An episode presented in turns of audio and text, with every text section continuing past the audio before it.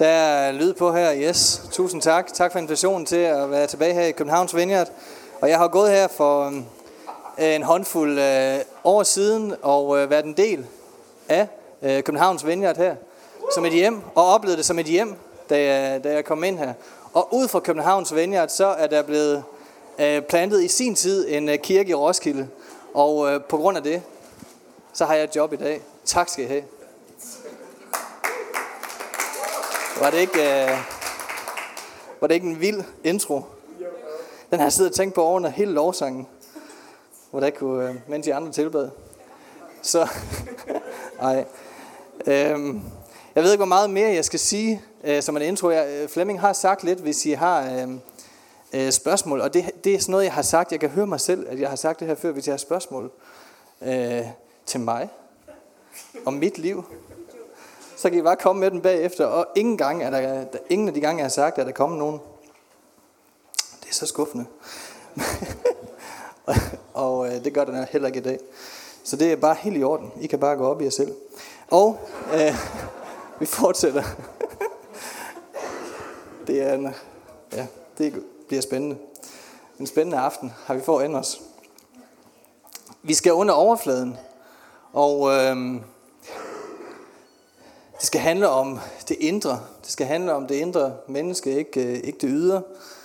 Og man kan sige sådan, at øhm, det jeg har lyst til at sige noget om, det, det handler om det at være bevidst om sit indre menneske, ikke så meget det ydre. At det er det indre, der tæller. Paulus, som er hovedforfatteren til det nye testamente, han skrev for et par tusind år siden et brev til en nystartet, en nyplantet kirke, som han havde øh, opsyn med på en eller anden måde, og den hed Øh, det var en kirke, der lå i en by, der hed Efesus, og han skriver sådan her i kapitel 3, vers 16. Derfor bøjer jeg mine knæ for faderen, efter hvem hvert faderne hus, det kan også oversættes familie, i himlene og på jorden har navn, og beder om, at han i sin herlighedsrigdom med kraft vil give jer at styrkes i det indre menneske ved hans ånd.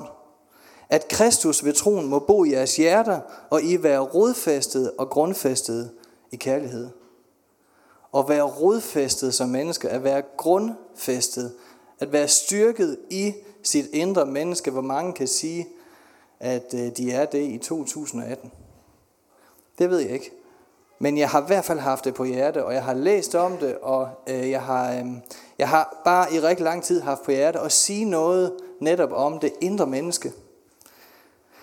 Og ligesom Paulus, så er det også min bøn for den her kirke i den her tid, og Øh, for mange andre kirker i øvrigt også, at vi må styrkes i det indre menneske. At du må blive styrket i dit indre menneske, i hjertet.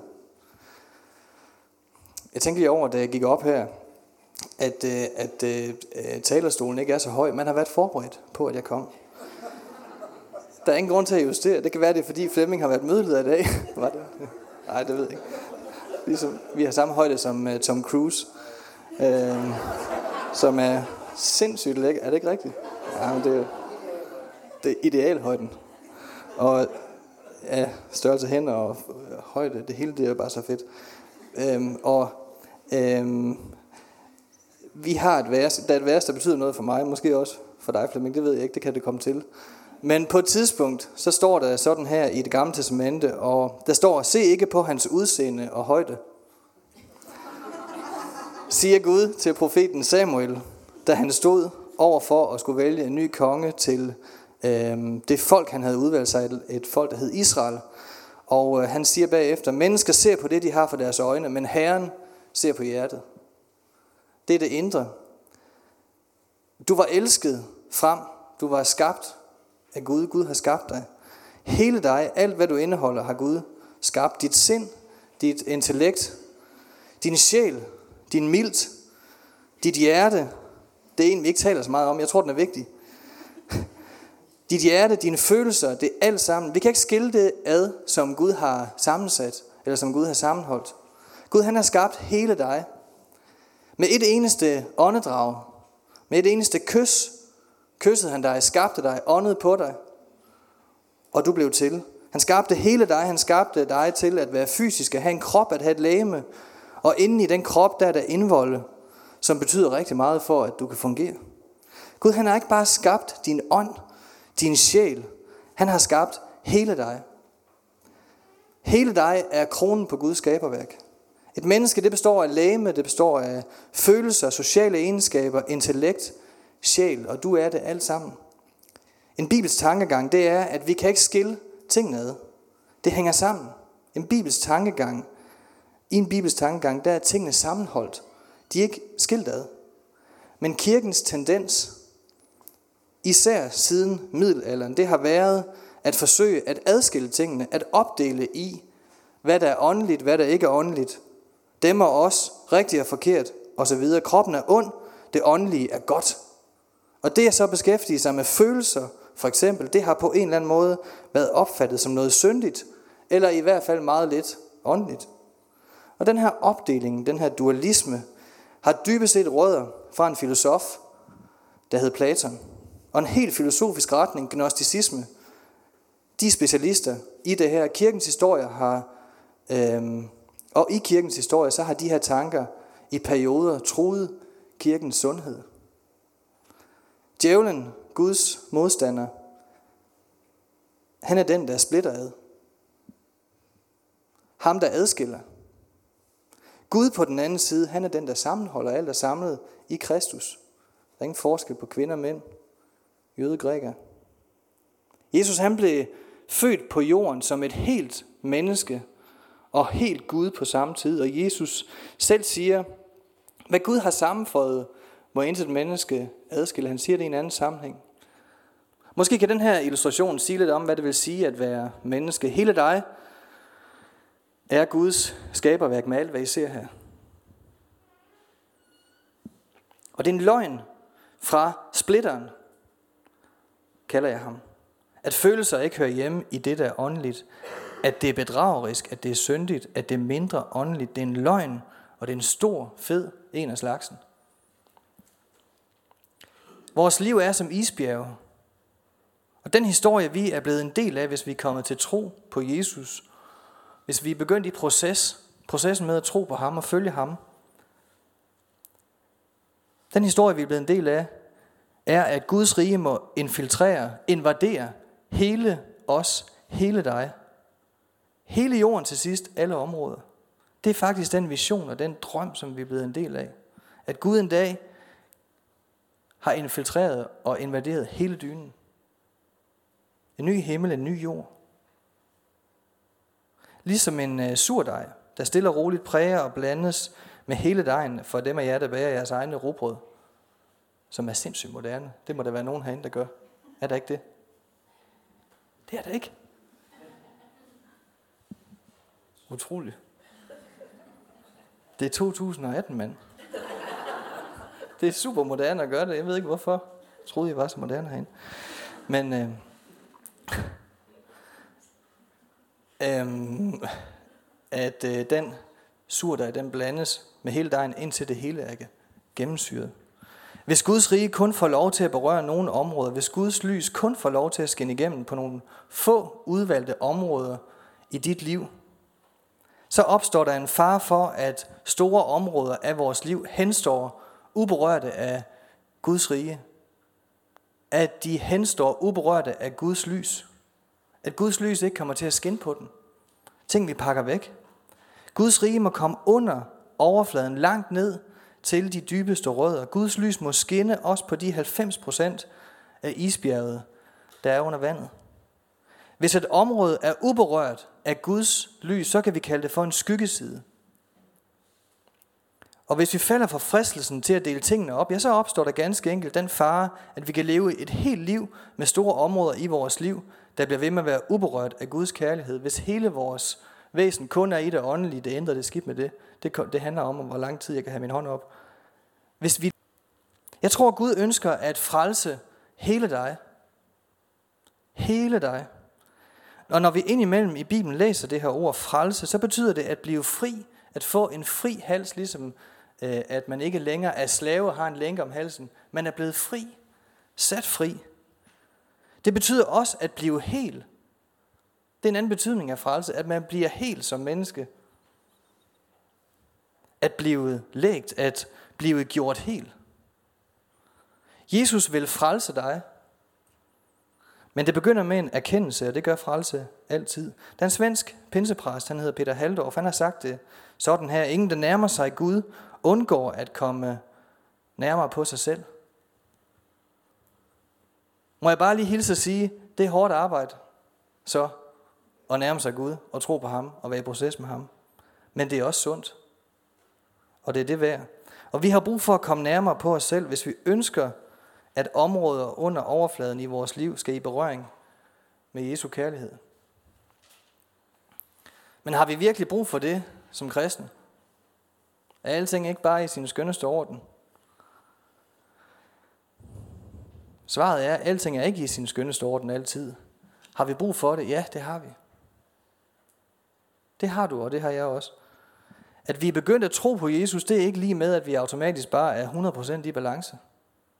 Eller at vi er fritaget fra at træffe dårlige beslutninger, eller tale over os, eller at vores fortid bare er fikset, eller at alt det under overfladen, de 90% ikke betyder noget. Men til gengæld så betyder det, at Gud er med os. Og at vi trygt kan lade hans ovenlys skinne på os. Og stille og roligt lade tingene komme frem af hans lys. Det at kalde sig kristen, det er ikke lige med, at man bare er fritaget fra et indre følelsesmæssigt kaos. prøve at spejle dig i nogle af de her... Ud... Nej, de kommer nok ikke op. Jeg læser dem bare op her så. Øh, prøv at spejle dig i nogle af de her udsagn. Man kan være en dygtig forkynder, prædikant, mødeleder og samtidig være en problematisk ægtemand, hustru eller forældre. Man kan være en leder i kirken eller præst og samtidig være hårdhjertet, dybt usikker, konstant i forsvar. Man kan memorisere det meste af Bibelen, samtidig være dybt depressiv eller fyldt af vrede og give alle andre skylden. Man kan bede og faste og tale i tunger flere timer om ugen og synge lovsang fra morgen til aften og samtidig konstant kritisere andre og løbe med slader. Løbe med slader og bagtale. Man kan være leder for hundredvis og samtidig være drevet af dybt personlige behov for at blive bekræftet, kompensere for en gammel nagende følelse af at være blevet overset. Man kan bede for dæmonisk udfrielse af et andet menneske, samtidig selv holde alle andre på afstand og være dybt konfliktsky på grund af usund mønstre i dit barndomshjem. Man kan være en rigtig dygtig teamplayer udadtil og samtidig ignorere og forholde sig apatisk til indvendige følelser af dybliggende vrede og sårighed. Store områder af vores liv kan stå udækket hen. Store områder kan stå hen uberørt af Jesu kærlighed. De venter på at blive belyst. De venter på at blive fagnet. De taler til dig og til mig, og de siger, tag mig alvorligt. Tag mig alvorligt. Din åndelige modenhed vil aldrig overgå din følelsesmæssige sundhed. Skriver en amerikaner, en god en af slagsen, i en bog, jeg har læst. De her to områder er lænket sammen. Åndelig modenhed, følelsesmæssig sundhed. Sagt med andre ord, hvis du gerne vil vokse opad og udad, så skal du også vokse indad og nedad. Du kan ikke vokse opad i åndelig modenhed, hvis du ikke også vokser indad i følelse, følelsesmæssigt sundhed. Derfor så er det en god grund til at tage hele dig selv alvorligt. Også det, der foregår under overfladen. Og det kan være svært. Det kan være svært, fordi vi simpelthen mangler et sprog for, hvad der foregår indimellem. Det bekymrende blandt kristne i vores tid er, at mange kristne i dag er følelsesmæssigt stumme. De har måske et åndeligt sprog, men følelsesmæssigt kan man være stum eller afstumpet. De er aldrig blevet lært, at det var okay at tale om følelser, eller det, der har med det indre menneske at gøre. De er blevet stumme, de mangler et sprog. Vi mangler måske et sprog, og det gode er, det kan læres. Du kan lære det. Så kan du lære det. Og det kan læres for den, der tør at dykke under overfladen. Jeg vil gerne bede en bøn. Skal vi læse en uh, tekst sammen? Kære Gud, tak at du ser alt. Og du ser os. Du ser hver eneste en, som er her. Tak at dine fader arme, de aldrig lukkes. At du står med åbne arme. Og enhver af os kan nærme os dig. og vi kan kaste os ind i din favn. Og du vil favne os. Her jeg beder om, at det, som du har til os i dag, det må komme frem, og det, der står Simon på, det må bare forsvinde væk. Men her beder om, at din kærlighedsmeddelelse, dine ord, de må bære frugt, og de må sætte sig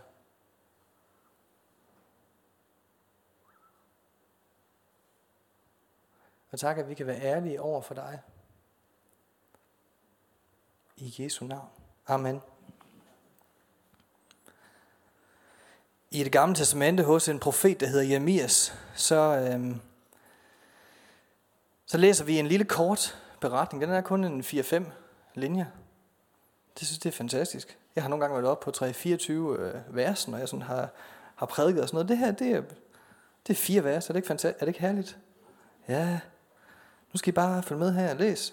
Der står, gå ned til pottemagerens hus, for den her profet at vide. Gud ser, profeter på den her tid blev kaldt for øh, ser, de havde Guds øjne at se med, og han får en meddelelse, han får noget, han skal fortælle videre, en lignelse, og han øh, får den her besked fra Gud selv, gå ned til pottemagerens hus, så skal få, der skal du få mine ord at høre. Så gik jeg ned til pottemagerens hus, han sad og arbejdede ved drejeskiven. Når det kar, som pottemageren var i gang med at forme af ler med hånden, når det mislykkedes, det kunne altså mislykkes. Karret kunne mislykkes. Når det mislykkedes, så lavede han det om til et andet kar, som han nu ville have det. Er det ikke godt? Gud arbejder ikke med plan B'er. Gud han laver en ny plan A. Når karret mislykkes, så lavede han det om til et andet kar, som han nu ville have det. Billedet er cirka sådan her, hvis du ikke havde regnet det ud, at, der, at du er et kar i pottemageren Guds hænder. Du er et par, du er et kar i hans hænder. Du er et kunstværk, som han arbejder på. Hans hænder har skabt dig, hans hænder former dig, og nogle gange så går det galt. Ting, der sker i vores liv, ting, der er sket i vores liv, men så gør Gud det, at han laver det om til noget nyt, læret.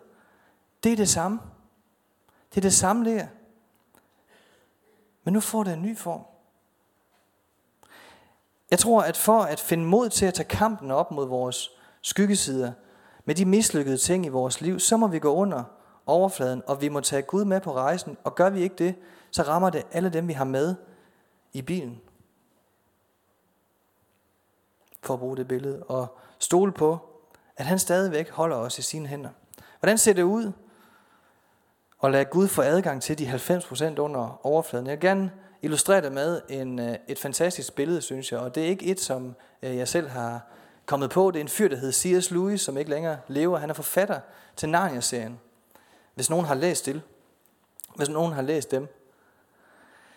Og der er altid et par stykker, der, der nikker jo. Men øh, har I ikke læst dem, så er det altså fremragende læsning. Det er inden for fantasy-genren, og han har skrevet en hel øh, række, nærmest en stor lignelse på øh, mange af de ting, som Bibelen øh, fortæller, og om Jesus selv i øvrigt. Jeg har lyst til at fortælle en kort beretning fra øh, en af de her bøger. Der kommer et billede her nu. Det er øh, af en drage. Justus, og vi er midt i øh, en af de her bøger. Jeg tror, han skrev syv i alt, og det her, jeg kan ikke huske, hvad nummer det her Den hedder Morgenvandrens. Den fra en bog, der hedder Morgenvandrens rejse. Bog nummer 4. Sådan, det er godt lavet. Justus, han er en ung dreng. Han bliver forvandlet til en drage, fordi han er egoistisk, stædig og kun tror på sig selv. Og på et tidspunkt i fortællingen, så kan vi læse, at han længes efter at blive sig selv igen. Og blive til en dreng igen. Han er blevet forvandlet til en drage, nu længes han efter at blive en dreng igen. Men han kan ikke gøre det alene. Han har brug for hjælp. Så møder han en løve. Den hedder Aslan. Løven er et billede på Jesus. Aslan vil gerne hjælpe ham. Aslan leder drengen hen til, eller den her drage hen til en brønd, hvor der er dejligt at bade. Et bad vil hjælpe ham, siger han. Men dragen kan ikke komme ned i brønden. Den er og Justus, han bliver mindet om, at han jo faktisk ligesom en slange kan skifte ham. At den her drage kan skifte ham, ligesom slanger gør det. Dragen smider så et lag, det første lag af hårde drageskæl, og han føler sig allerede der lettet. Nu forsøger han at hoppe i vandet, men han er stadigvæk alt for stor. Han må smide flere lag, Men han kan ikke. Han kan ikke gøre det selv. Han indser, der jo stadig så mange, mange lag af smide, kan komme ned i vandet. Og Jesus han bliver frustreret. Men Aslan siger til ham, du bliver nødt til at lade mig hjælpe dig med at flå lagene af. Du bliver nødt til at lade mig hjælpe dig.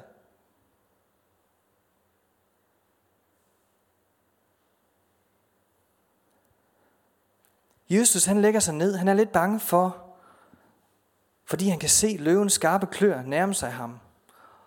Og han vrider sig i smerte til at begynde med, fordi det gør så ondt, hver gang løven flår et lag af. Men til sidst er han helt nøgen.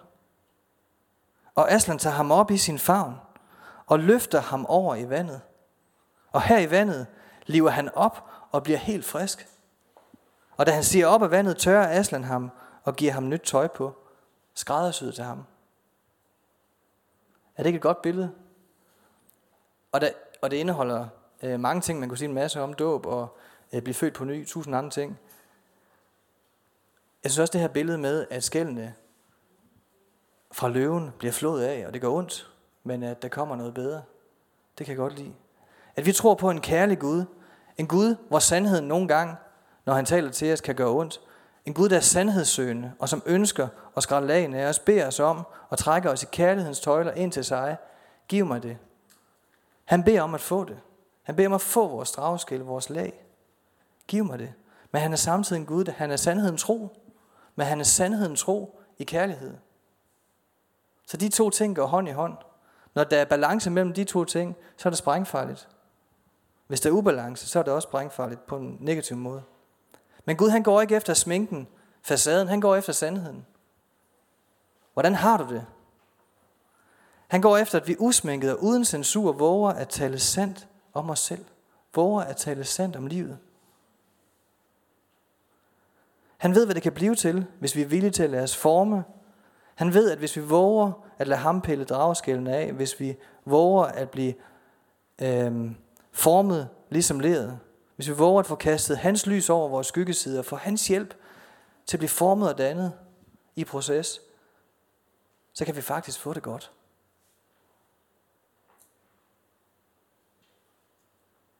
Du kan faktisk få det godt.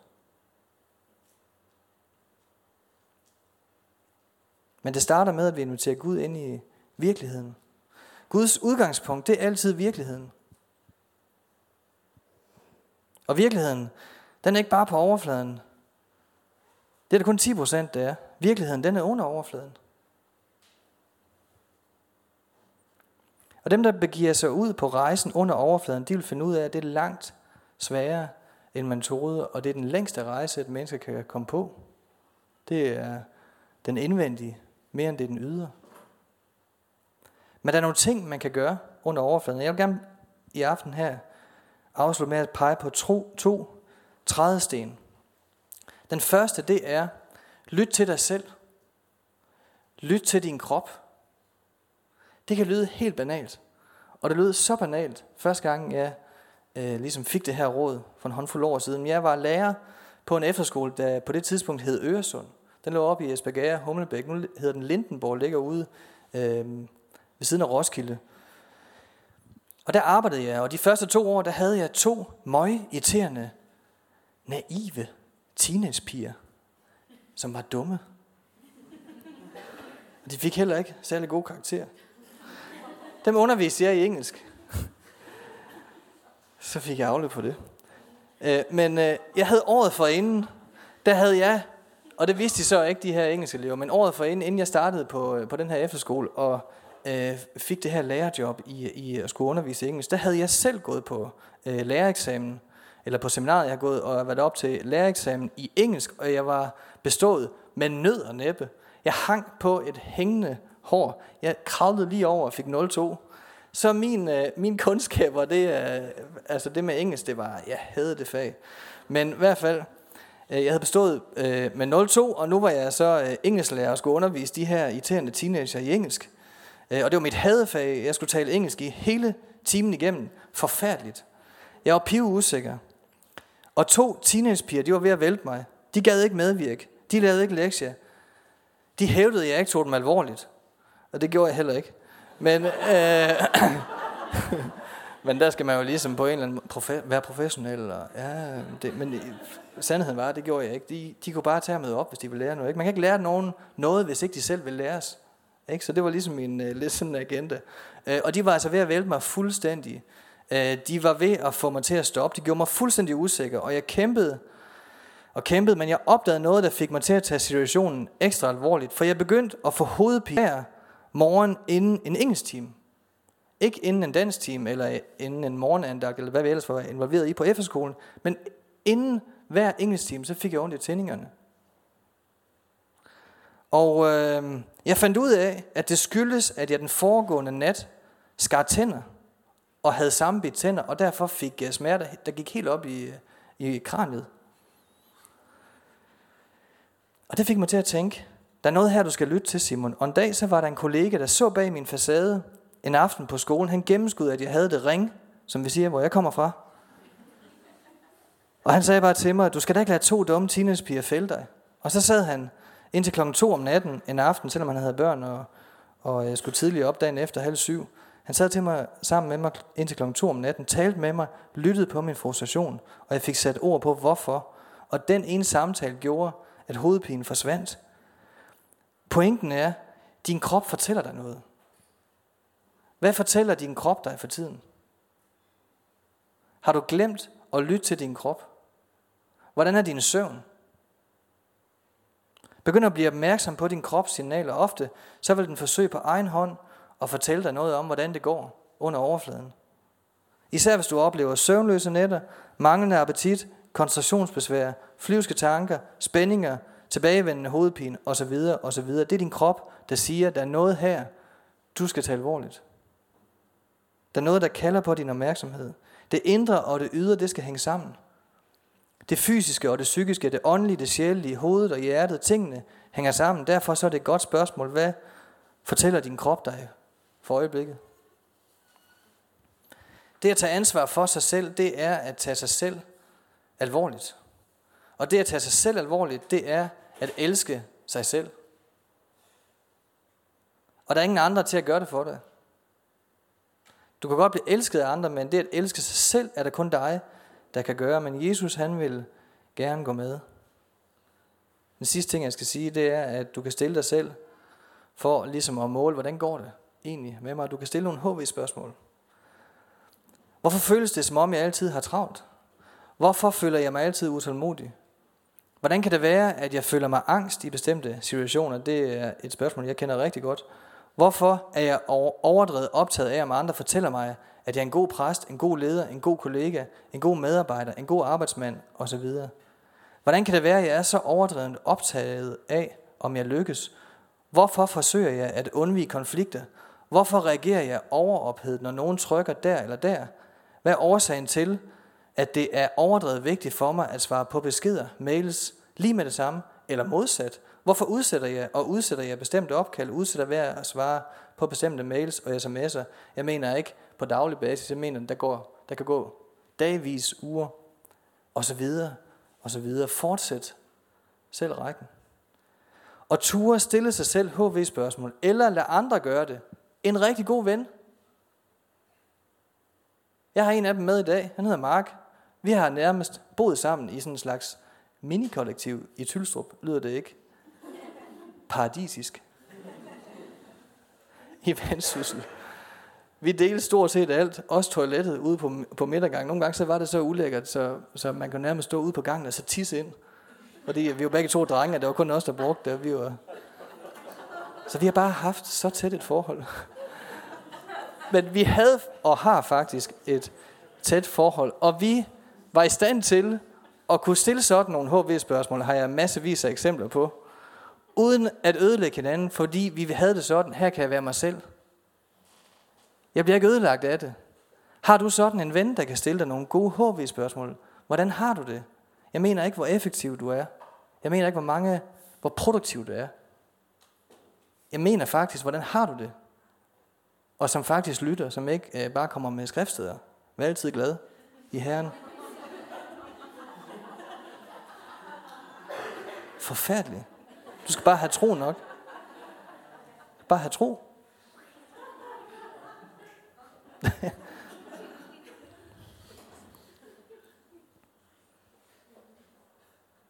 Har du en øh, medvandrer, en åndelig medvandrer? Nogen, som øh, går sammen med dig? En, der måske har gået på vejen længere tid end dig selv? Det kunne være fra en anden kirke. Jeg har et par stykker. En fra Vineyard, jeg har en fra en anden øh, kirke. Bare en, jeg mødes med indimellem. Han stiller mig to gode spørgsmål. Fortæl om din... Øh, prøv, hvad, hvad, hvad fylder i dit liv nu, Simon? Så bruger han en halv time på at snakke om det. Hvad gør ondt i dit liv? Så snakker jeg i en time. Så ringer jeg bagefter til Sova og siger, det har været fantastisk. Jeg har fået energien igen, jeg er klar igen, og yes. Har du nogen, der stiller dig nogle HV-spørgsmål? De kan hjælpe dig til at blive opmærksom på en skyggeside eller et betændt område. Det gør NAS i starten, når nogen siger det. Så kan man reagere sådan, som, øh, som jeg fortalte om før. Er der et område i dit liv, der har brug for Guds ovenlys, eller skal under kærlig behandling? Efter man har fået nogle af de her HV-spørgsmål, så kan det være, at man bliver opmærksom på nogle ting. Det kan være, at du er blevet opmærksom på nogle ting under... Måske bliver man opmærksom, hov, der var noget her. Og så står man med en skyggeside, der skal frem i lyset. Jesus vil hjælpe dig. Han er ligesom løven, der vil hjælpe dig. Han er en god løve. Han er vild. Han er utæmmet. Men han er god. Og man kan starte med at sætte ord på det over for Gud selv. Forestil sig, at Gud er en far, der sidder på den anden side af bordet. Her kan du være dig selv. Kommer træt hjem fra arbejde, kaffekanden simmer. Her kan du være dig selv. Her kan du fortælle ham, hvordan har din, hvordan har din dag været? Spørger han måske om. Du kan lade din indre virkelighed blive synlig for Gud. Gud længes efter at komme under overfladen og blive en del af din virkelighed. Lad os rejse os op.